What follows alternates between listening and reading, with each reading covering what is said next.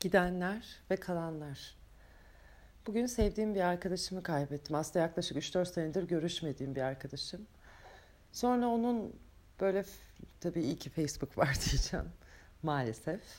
Facebook'taki resimlerine şöyle bir baktım.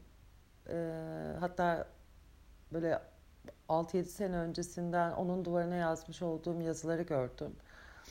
Nasıl bir dostlukta ne kadar uzak bir arkadaşlığa doğru geçtiğimizi hatırladım.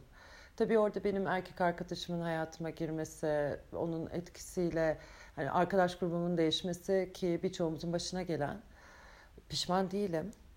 Ee, ama hani ihmal ettiğimiz insanlar var ya ve bunların arasında böyle sevdiğimiz, güzel şeyler paylaştığımız kişiler.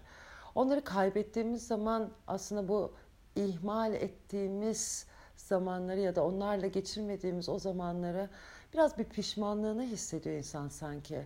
Hani onları dosyaya kaldıracaksın, rafa kaldıracaksın ve artık arşivleyeceksin. Geçmişinden güzel anılar olarak saklamak istiyorsun. Fakat böyle yarım kalmış sanki konuşmalar var, yarım kalmış bir şeyler var.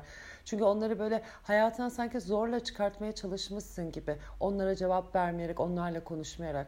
Belki senede bir kez bile olsa o tanımış olduğumuz, zamanında sıklıkla görüştüğümüz kişileri belki şu an yeterince göremiyoruz, vakit ayıramıyoruz.